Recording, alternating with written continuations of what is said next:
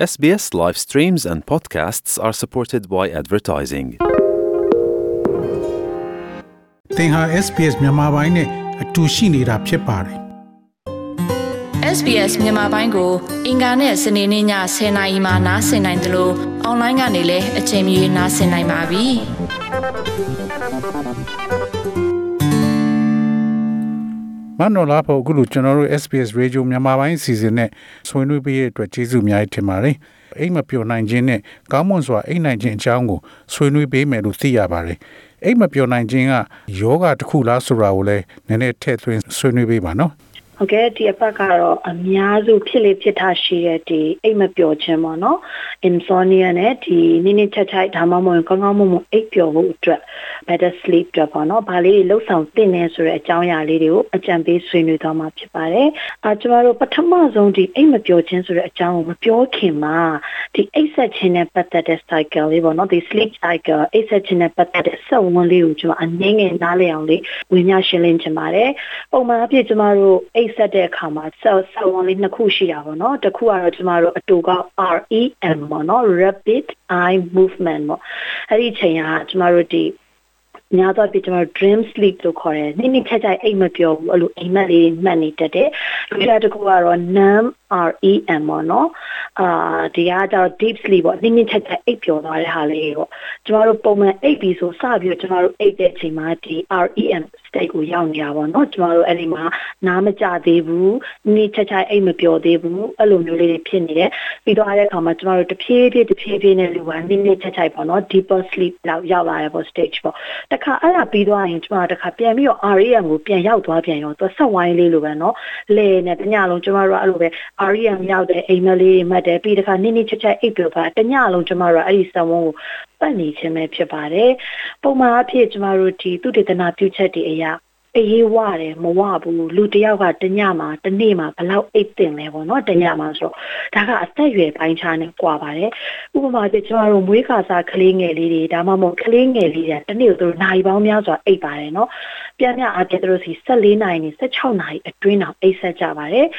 အာနည်းနည်းလေးဟိုတော်လာပေါ့နော်ဟိုဒီဒီတောက်တောက်တောက်လေးရှောက်သွားတဲ့အရွယ်လေးတွေနောက်ခလေးပေါ့နော်ဒီတောင်းစားနေတဲ့အရွယ်လေးတွေရောက်လာပြီဆိုတော့သူတို့ကများသောအားဖြင့်ဒီ10နိုင်ရနေပြီးတော့ဒီ12နိုင်13နိုင်ကြာသူတို့အိတ်တယ်ပေါ့တ냐ပေါ့နော်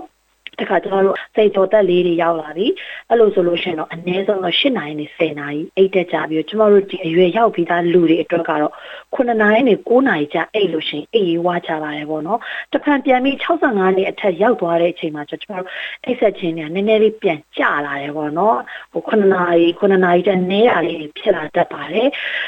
ဒီမှာထူးခြားတာလေးတခုကကျမတို့ကဒီဒါကိုပုံသေးတော့ပြောလို့မရဘူးကျမတို့အမြဲတမ်းပြောလို့ရှိရင်လူတစ်ယောက်နဲ့တစ်ယောက်ကမတူပါဘူးကွဲပြားမှုလေးရှိတချို့တော့200ခိုင်လုံးတော့လူတွေကသူတို့က9နာရီဒါမှမဟုတ်9နာရီထက်နည်းတာလေအိပ်ရပေမဲ့လည်းတရက်ကိုပေါ့နော်သူတို့အတွက်အိပ်ရေးဝတယ်လို့ခံစားရတဲ့လူတွေလည်းရှိပါတယ်ပေါ့နော်ဒါကတော့ပြန်များခြင်းပေါ့နော်ကျွန်တော်တို့ပြန်ကြည့်လိုက်တဲ့အခါမှာ90ရာခိုင်နှုန်းသောလူတွေကမိမိတို့ရဲ့အသက်တာတစ်လျှောက်မှာအိပ်ဆက်ခြင်းနဲ့ပတ်သက်လို့ပေါ့နော်အဲ့လိုအစင်မပြေတာအနှောက်အယှက်လေးဖြစ်တာပြဿနာဖြစ်တာလေးတွေကိုသူတို့ရဲ့ဘဝတစ်လျှောက်မှာတစ်ချိန်တစ်မို့နှစ်ချိန်အဲ့လိုမျိုးလေးကြုံတွေ့တာတွေဖြစ်နိုင်ပါတယ်ပြန်ကြည့်လိုက်ပြီဆိုကျမတို့လူ3ယောက်မှာ1ယောက်က ဒီအနှဲငယ်ဒါမှမဟုတ်အလေအလက်အိတ်မပြောခြင်းဆိုတဲ့ပြဿနာတွေကိုကြုံတွေ့ရတာတွေကိုကျမတို့တွေ့ရှိနေရပါတယ် စောစောကပြောသွားသလိုပဲပေါ့နော်ဒီအိပ်ဆက်ခြင်းဆိုတာယောဂလားလို့ဆိုပြောရရင်တော့ယောဂလို့ဆိုတာတဲ့ကျမတို့ကဒီ sleep disorder ပေါ့နော်အိပ်ဆက်ခြင်းကစင့်ကလျာဖြစ်တယ်လို့ပဲကျမတို့ခေါင်းစဉ်တက်ချင်ပါတယ်ပေါ့နော်ဒါကအဖြစ်များပါတယ် common ဖြစ်ပါတယ်ပြီးတဲ့အခါမှာအလွန်ကိုစိတ်ရှုပ်ထွေးစရာစိတ်မကျေနပ်မနှစ်သက်စရာကောင်းတဲ့အခက်အခဲတစ်ခုလည်းဖြစ်ပါတယ်ကျမတို့ဒီအိပ်မပျော်ခြင်းလို့သတ်မှတ်ဖို့အတွက်ဆိုဘာလို့ရှိလဲဆိုအချက်ကလေး၃ခုပေါ့နော် ဖြစ်လို့ရှိကြတာကတော့များသောအားဖြင့်ကအာ difficult difficult to fall in asleep ပေါ့နော်စာပြီးအိတ်ဖို့တော့ခက်တယ်နံပါတ်2တစ်ချက်ကတော့အိတ်တော့အိတ်သွားပြီသို့တော်လည်းပဲဒီခါလေးမှာညလေလေးစောစောပိုင်းမှာ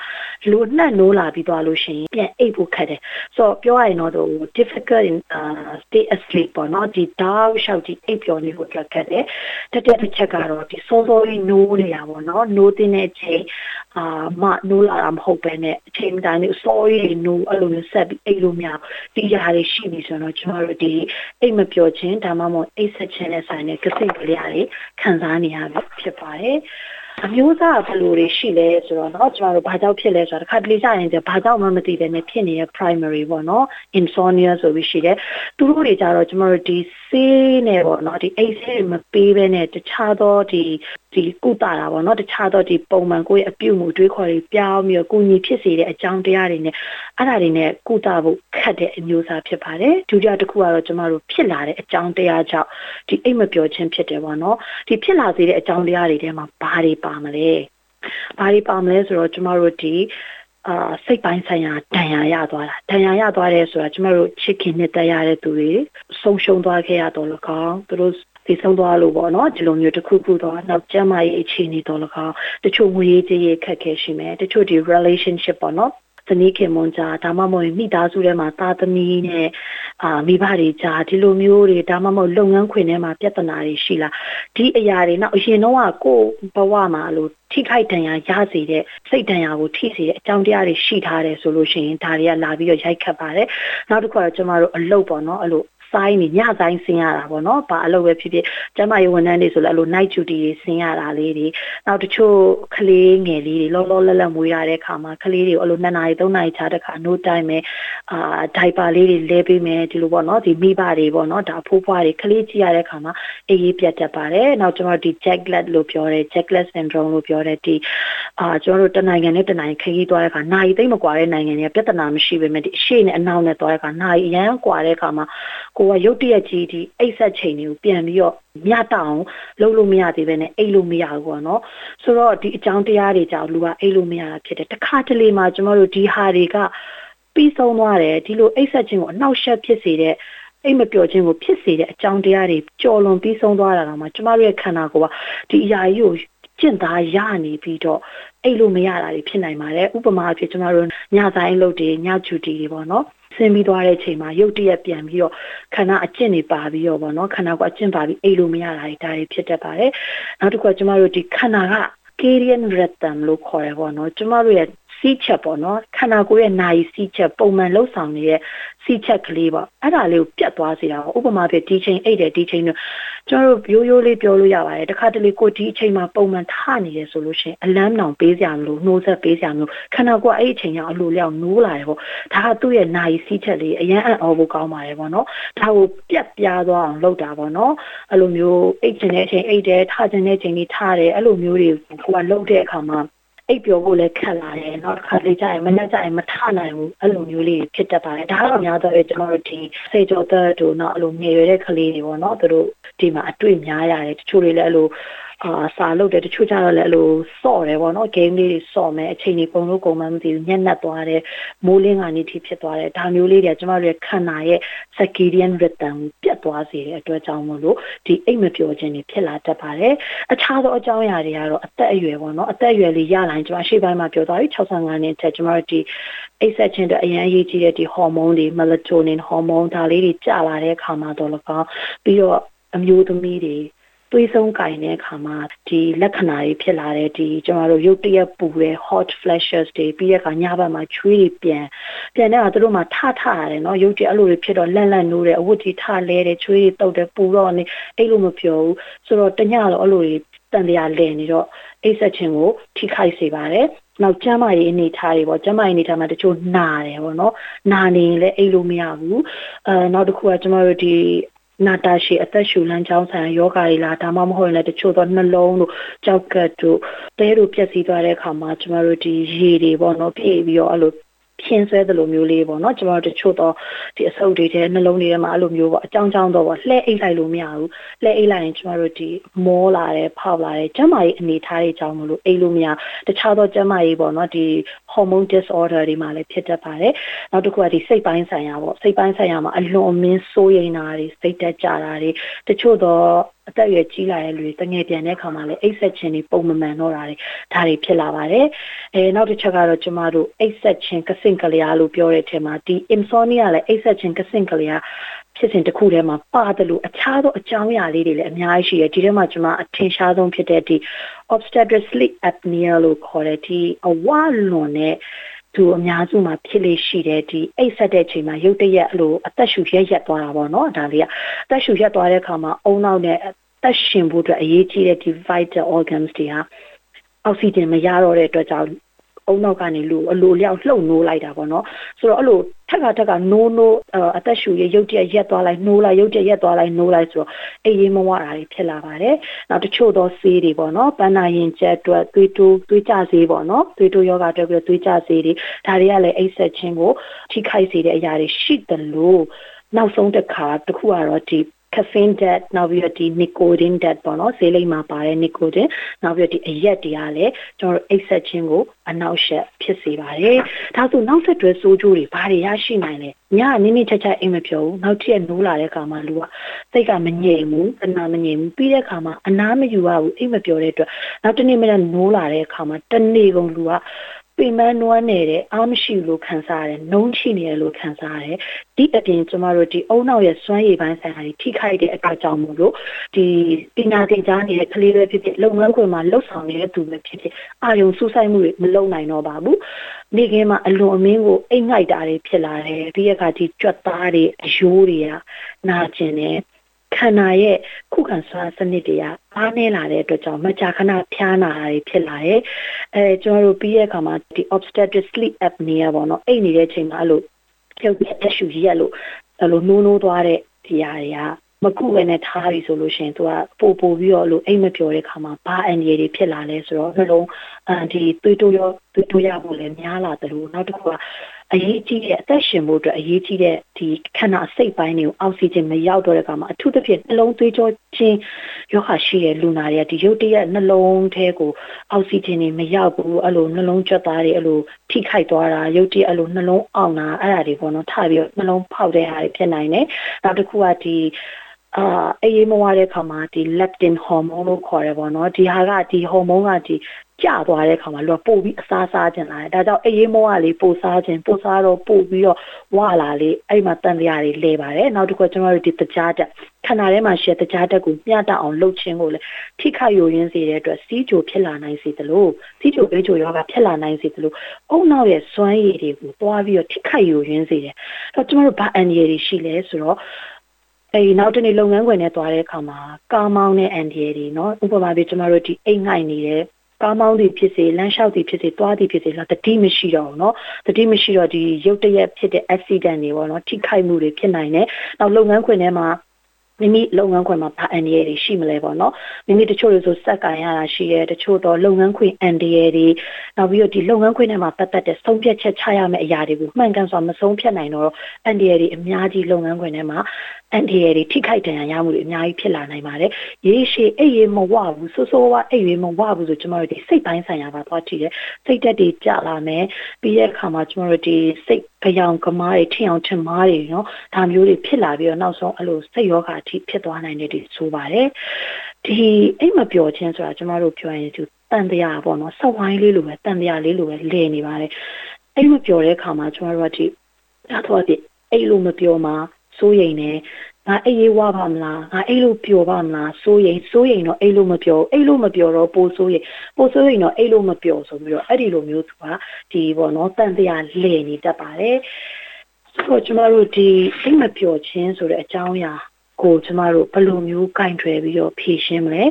ပြီးတဲ့အခါမှာကျမတို့ဒီပို့ပြီးတော့ကောင်းကောင်းမွန်မွန်လေးအိပ်ပျော်ဖို့အတွက်ကျမတို့ဘာလေးတွေလှုပ်ဆောင်လို့ရလဲဆိုတဲ့အကြံပေးချက်လေးကိုကျမတို့ဆက်သွားမှာဖြစ်ပါတယ်။အာအဓိကတော့ကျမတို့ဒီမှာ cognitive behavior therapy ပေါ့ cognitive ကျမတို့တွေးတယ် behavior ဆိုတာကျမတို့ပြုမှုတယ်ကျမတို့အတွေးတွေအပြုမှုလေးတွေကိုကျမတို့ပြောင်းလိုက်တာပေါ့နော်ဒါလေးကိုလုပ်ဖို့အတွက်ဖြစ်ပါတယ်။ဆိုတော့ပထမတစ်ချက်အနေနဲ့ဘာကိုကြံပေးချင်လဲဆိုကျမတို့အိပ်ဆက်ချိန်နဲ့ အဲ့ရထားတဲ့အချိန်ကိုပုံမှန်ဖြစ်ဖို့အတွက်ကိုကစူးစမ်းလှုပ်ဆောင်မှုအဓိကတော့ထတဲ့အချိန်ပေါ့နော်ဒီမနက်မှာမနက်မှာအခုမနက်9နာရီထဆိုမနက်9နာရီ10နာရီထဆို10နာရီဒါလေးကိုပုံမှန် ကိုယ်လေ့ကျင့်မျိုးတစ်ခါတလေညတချို့ညတွေမှာနည်းနည်းအိတ်တာနောက်ကျသွားရင်တော့စူးစမ်းပြီးပုံမှန်ထပေးတဲ့ဖို့ပေါ့နော်ဒီကျွန်တော်အရှိမပြောသွားတဲ့ဒီ body ရဲ့ circadian rhythm ပေါ့နော်အချိန်မှန်စီးချက်ကလေးကိုကျွန်တော်တို့တိစောက်ဖို့ဖြစ်ပါတယ်အာပိတ်ရက်တွေဒီလိုမျိုး weekend တွေမှာတော့မှကျွန်တော်တို့ဒီအာပိတ်ရက်ပဲငါအားရပါအိတ်မယ်ဆိုတာထက်မိမိထနေကြအချိန်ထက် တနာရီထပ်ပြီးပို့ပြီးနောက်ကျစွာထခြင်းမျိုးမလုပ်တာတော့အကောင်းဆုံးဖြစ်ပါတယ်။ဒါဆိုကျမတို့ခန္ဓာကိုယ်ကအလိုအလျောက်ကိုဟာအိတ်ဆက်အိတ်တော့မဲ့ချိန်ဆိုသူသိတယ်အိတ်ချင်လာတယ်နိုးမဲ့ချိန်ဆိုလည်းသူအလိုလျောက်နိုးလာတတ်ပါတယ်။ဒါကခန္ဓာရဲ့ဟိုထူးခြားချက်တစ်ခုပါเนาะဒုတိယတစ်ခုကကျမတို့ဒီအိတ်ဆက်မဲ့ပတ်ဝန်းကျင်ကိုအကောင်းဆုံးပေါ့เนาะတက်တောက်တက်တာဖြစ်ဖို့အတွက်ကျမတို့ဘယ်လိုလုပ်မလဲ မိမိရဲ့အိယာကတဲ့ပေါ့နော်ဒီမွေရလေးတွေကတက်တောက်တက်တာဖြစ်စေပါအခန်းကအရန်ပူလွန်အေးလုံးခြင်းမဖြစ်စေနဲ့ပေါ့နော်အရန်ကြီးပူလွန်လည်းအဲ့လိုမရဆိုတင့်တင့်ယုံလေးပေါ့အေးအေးမြမြလေးလောက်ဆိုလို့အဲ့လိုအရန်ကောင်းပါတယ်နောက်တစ်ခုကကျမတို့ဒီ ကိုကနာနေတာရှိလားမိမိခန္ဓာကိုယ်မှာကိုယ်နာနေစေမတက်မတာဖြစ်စေတဲ့အရာတွေဆိုလည်းမိမိဆရာဝန်နဲ့တိုင်ပင်ထားတယ်တောက်ဆရာရှိရဲ့ဆေးဝါးလေးတွေတောက်ဖို့ပြီးတဲ့အခါမှာစာလွန်းရင်လည်းကျမတို့စာတဲ့အတွက်ကြောင့်နောက်နောက်ဆုံးချက်နားမှာလည်းကျမပြောသွားမှာပါဒီဟာ light ပေါ့နော်နည်းနည်းပေါ့ပေါ့ပါပါလေးပြီးတော့အိတ်ဆက်ခြင်းကိုလည်းအားပြုမဲ့ဒီသေရစာလေးကိုမအိတ်ခင်မှာအစာမလွန်ဖို့အတွက်စားဖို့တော့၎င်းပြီးတဲ့အခါမှာတအားကြီးပေါ့နော်အများကြီးစားလိုက်ရင်လည်းလူက အိတ်ဆက်ခြင်းကိုသွားပြီးနောက်ချက်ဖြစ်လို့ဒါပေမဲ့ဟိုညက်နက်မှအဲ့လိုမအိတ်ခင်လေးမှာတအားကြီးအစားတွေအများကြီးစားလိုက်တာလေးလည်းရှောင်ဖို့အတွက်အ ကောင်းဆုံးပြောချင်ပါတယ်နောက်တစ်ခုကကျွန်တော်တို့စူညံခြင်းပေါ့စူညံခြင်းဆိုဒီကားတွေအသွားလာတွေဒါဆိုကျွန်တော်တို့ပတင်းပေါက်လေးတွေပိတ်တာတကားလေးတွေပိတ်တာပြီးရခါဒီလိုတချို့ ear plug ပေါ့ပေါ့နားမှာဆိုရတဲ့ပစ္စည်းလေးတွေသုံးလို့ရပါတယ်အနောက်မိမိအခန်းထဲမှာမိမိကိုအနောက်ရှက်အတန်ပေးစေမယ်ဒီတချို့တွေဆိုဒီနာရီအတန်တွေပေါ့နော်ထောက်ထောက်ထောက်ထောက်အဲ့လိုလေးတွေနောက်တစ်ခုကဒီမိမိမှာမွေးထားတဲ့တရိษံငယ်လေးတွေရှင်သူတို့စူတက်လာထားပြီးတော့အဲ့လိုတချို့လေးတွေ active ပေါ့နော်ညာဘက်မှာအိုးတိုင်းဆော့တာလေးမဖြစ်ဖို့ကိုသူတို့ဘယ်လိုမျိုး arrange လုပ်ထားမလဲနောက်အလင်းရောင်ပေါ့နော်ကျွန်မရှေ့မှာပြောသွားပါတယ် melatonin hormone ကအိတ်ဆက်ခြင်းအတွက်အရန်အရေးကြီးပါတယ်အိတ်ဆက်ခြင်းကိုအားပေးပါတယ်။ तू ကအလေးတောင်ကိုရရင်သူ့ရဲ့ဒီ melatonin hormone ကကျလာတယ်ပေါ့နော်။ဒါကြောင့်လို့ကျမတို့အခန်းကိုဥပမာဒီမှာကျမတို့ Australia ဆို Victoria တို့တချို့နေရာတွေမှာဆိုလို့ရှိရင်ကျမတို့နေရာပြီးဆိုရင်တော်တော်လေးနေဝင်တာနောက်ကျတယ်လင်းနေတော့အိယာခတ်တယ်ပေါ့နော်ပြီးရကမနဲ့ဆိုအစောကြီးအလင်းအောင်လာတယ်ဒါဆိုကျမတို့အခန်းကိုနေလင်းအောင်နေ ကနေကာကွယ်ဖို့เนาะဒီမီးရောင်မိန်မိန်လေးမီးလိုချင်တယ်ဆိုလဲမိန်မိန်လေးတွေသုံးဖို့ဒါလေးတွေကိုပြင်ဆင်ထားဖို့ပါเนาะမိမိရဲ့အိမ်နဲ့ပတ်ဝန်းကျင်ပြင်ဆင်ထားဖို့ဖြစ်ပါတယ်တတိယတစ်ချက်ကတော့ကျမတို့မအိပ်ဆက်ခင်မှာဟော wind down time မိမိတို့စိတ်ကို short ချဖို့အတွက်အနည်းဆုံးနာရီဝက်ချိန်ပေးတင်ပါတယ်အဲ့လိုနောက်ကြမှာလေ့ကျင့်ခန်းတွေတအားလုပ်တာပြီးတဲ့အခါမှာအစားတွေအများကြီးစားထားလိုက်တဲ့အခါဒါမျိုးဆိုကျမတို့အိပ်ဆက်ခြင်းကိုသွားပြီးတော့အနောက်ရှက်ဖြစ်စေတယ်ဒီမအိတ်ခင်နာရီဝက်လောက်မှာကိုယ့်ကိုစိတ်ဖိစီးမှုမပေးဘူးစိတ် သက်သာစေမယ့်အရာလေးတွေပေါ့နော်ဥပမာအဖြစ်ဒီစာအုပ်ဖတ်တာအာကျမတို့စာအုပ်ဖတ်တာကိုပိုအားပေးပါတယ်ဒီခေတ်ကာလသုံးနေတဲ့ဒီ IT technology နဲ့ဖတ်တဲ့ဟာကျမတို့ဒီ screen time ပေါ့နော်ဒီ screen ကနေအလင်းရောင်နေရတဲ့အခါမှာအိတ်ဆက်ခြင်းကိုပို့ပြီးထိခိုက်စေပါတယ်ဒီစာအုပ်ဖတ်မယ်ဒါမှမဟုတ်သချင်းငိမ့်ငိမ့်ညံ့ညောင်းသချင်းလေးတွေ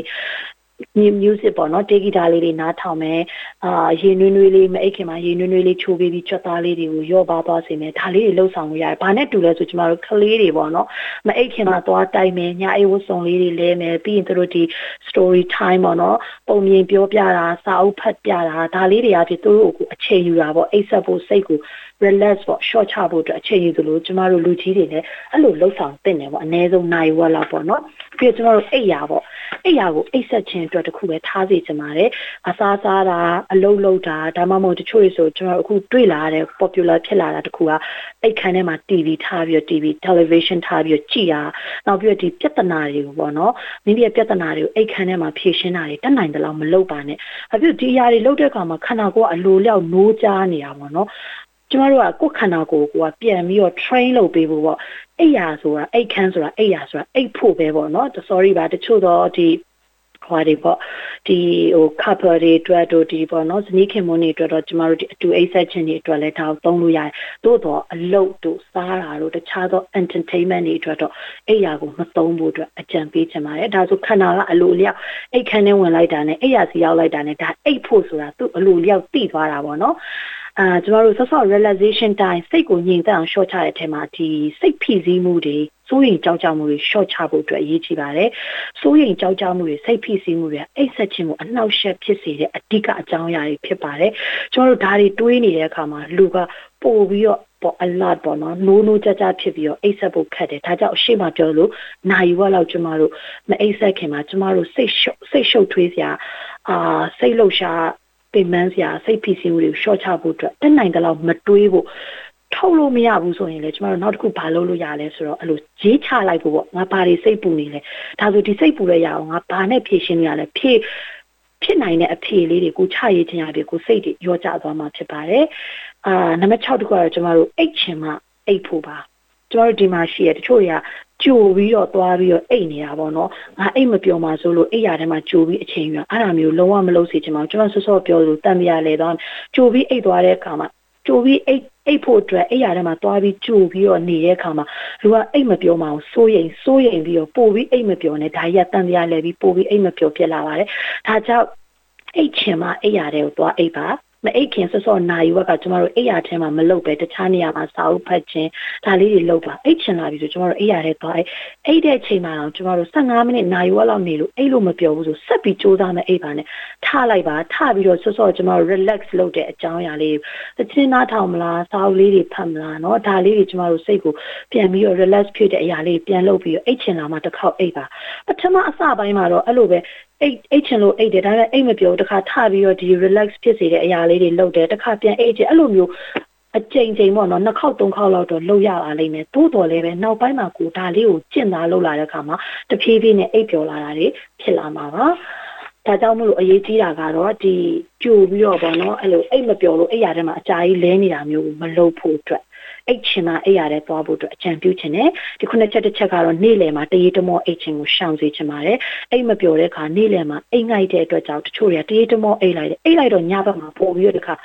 အိတ်လို့မရတော့ပြန်ဘူးအိတ်လို့မရတော့တခါပြန်ပြီးတော့အဲ့ရနဲ့တန်တရားလည်နေတာပေါ့နော်ဒါကြောင့်မလို့နေ့ခင်တရေတမောအိတ်ချင်းကိုလည်းမလုပ်ဖို့ရှောင်ရှားဖို့အတွက်အကြံပေးချင်တယ် နောက်ရှစ်ချက်တစ်ချက်ကတော့ကျမတို့လေ့ကျင့်ခန်းလုပ်ဖို့ပါလေ့ကျင့်ခန်းတော့နည်းနည်းစောစောလုပ်စီချင်ပါတယ်နေ့လေပိုင်းဒါမှမဟုတ်မနက်ပိုင်းနေ့လေပိုင်းဒါမှမဟုတ်ညနေဆောင်လေးပေါ့နော်ကျမတို့အိတ်ဆက်ချိန်နဲ့၄နာရီခွာပါနော်အဖြစ်လို့လဲဆိုလေ့ကျင့်ခန်းလုပ်လိုက်ခန္ဓာကိုယ်အပူချိန်ကြီးတက်နေတဲ့အခါမှာဒါကလည်းအိတ်ဆက်ချိန်ကိုသွားပြီးအနောက်ရှက်ဖြစ်တယ်သို့တော့ကျမတို့လေ့ကျင့်ခန်းလုပ်လိုက်တဲ့အခါမှာလူကပို့ပြီးတော့အိတ်တာပို့ပြီးတော့ကောင်းလာတယ်ပေါ့နော်ဆိုတော့ဒီနေ့လေမနက်ဒါမှမဟုတ်ညနေဆောင်လေးတွေမှာပုံမှန်လေ့ကျင့်ခန်းလုပ်ပါ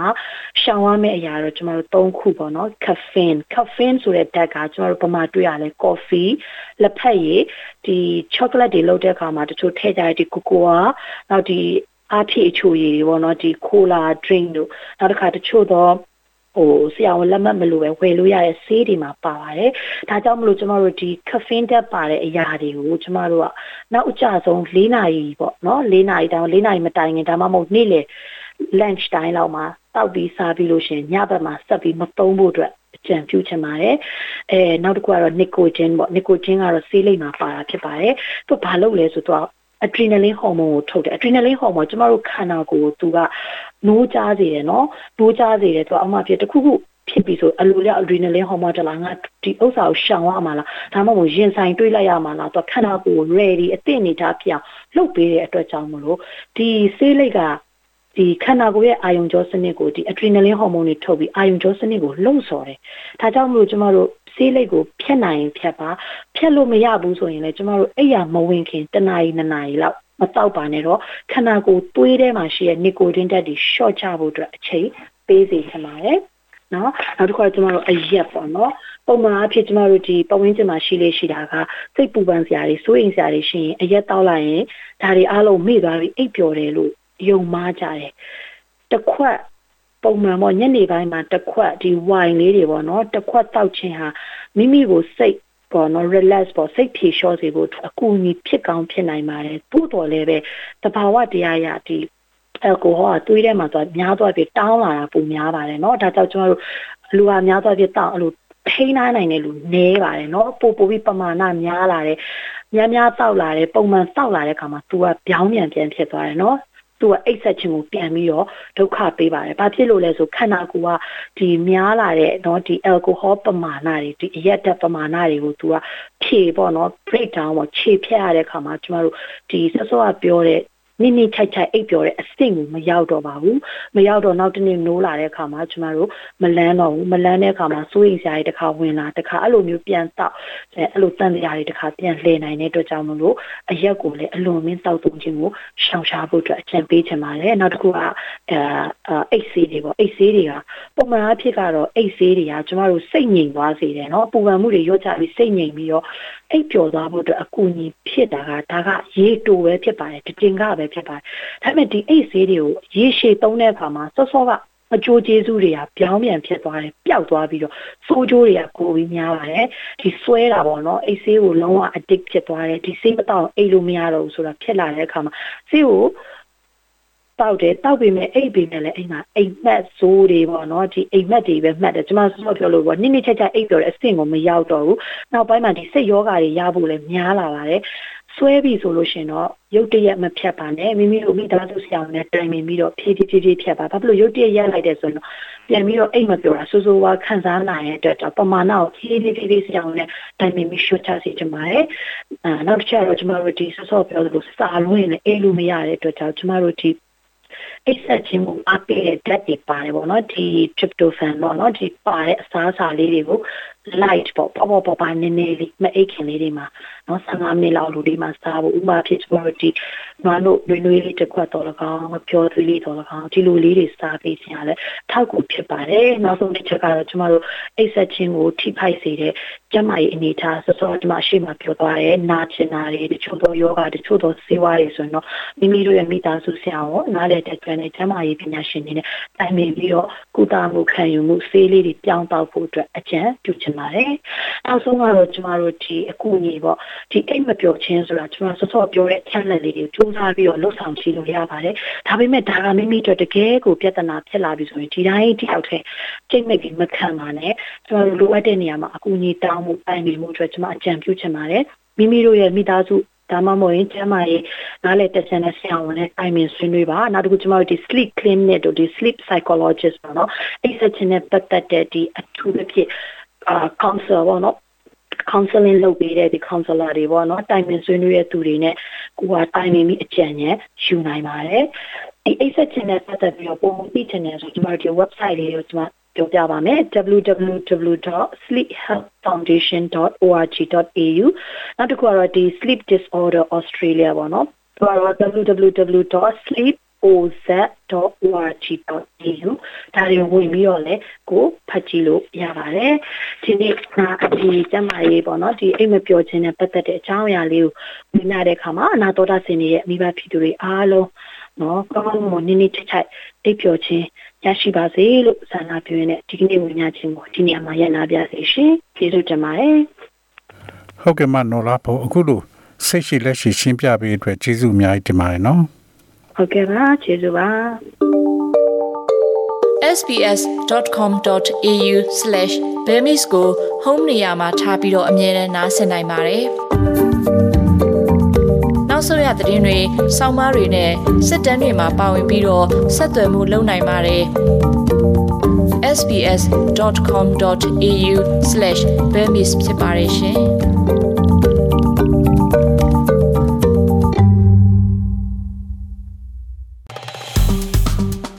SPS မြန်မာပိုင်းကို Facebook ပေါ်မှာ like ရှာပြီး like မျှဝေမှတ်ချက်ပေးပါ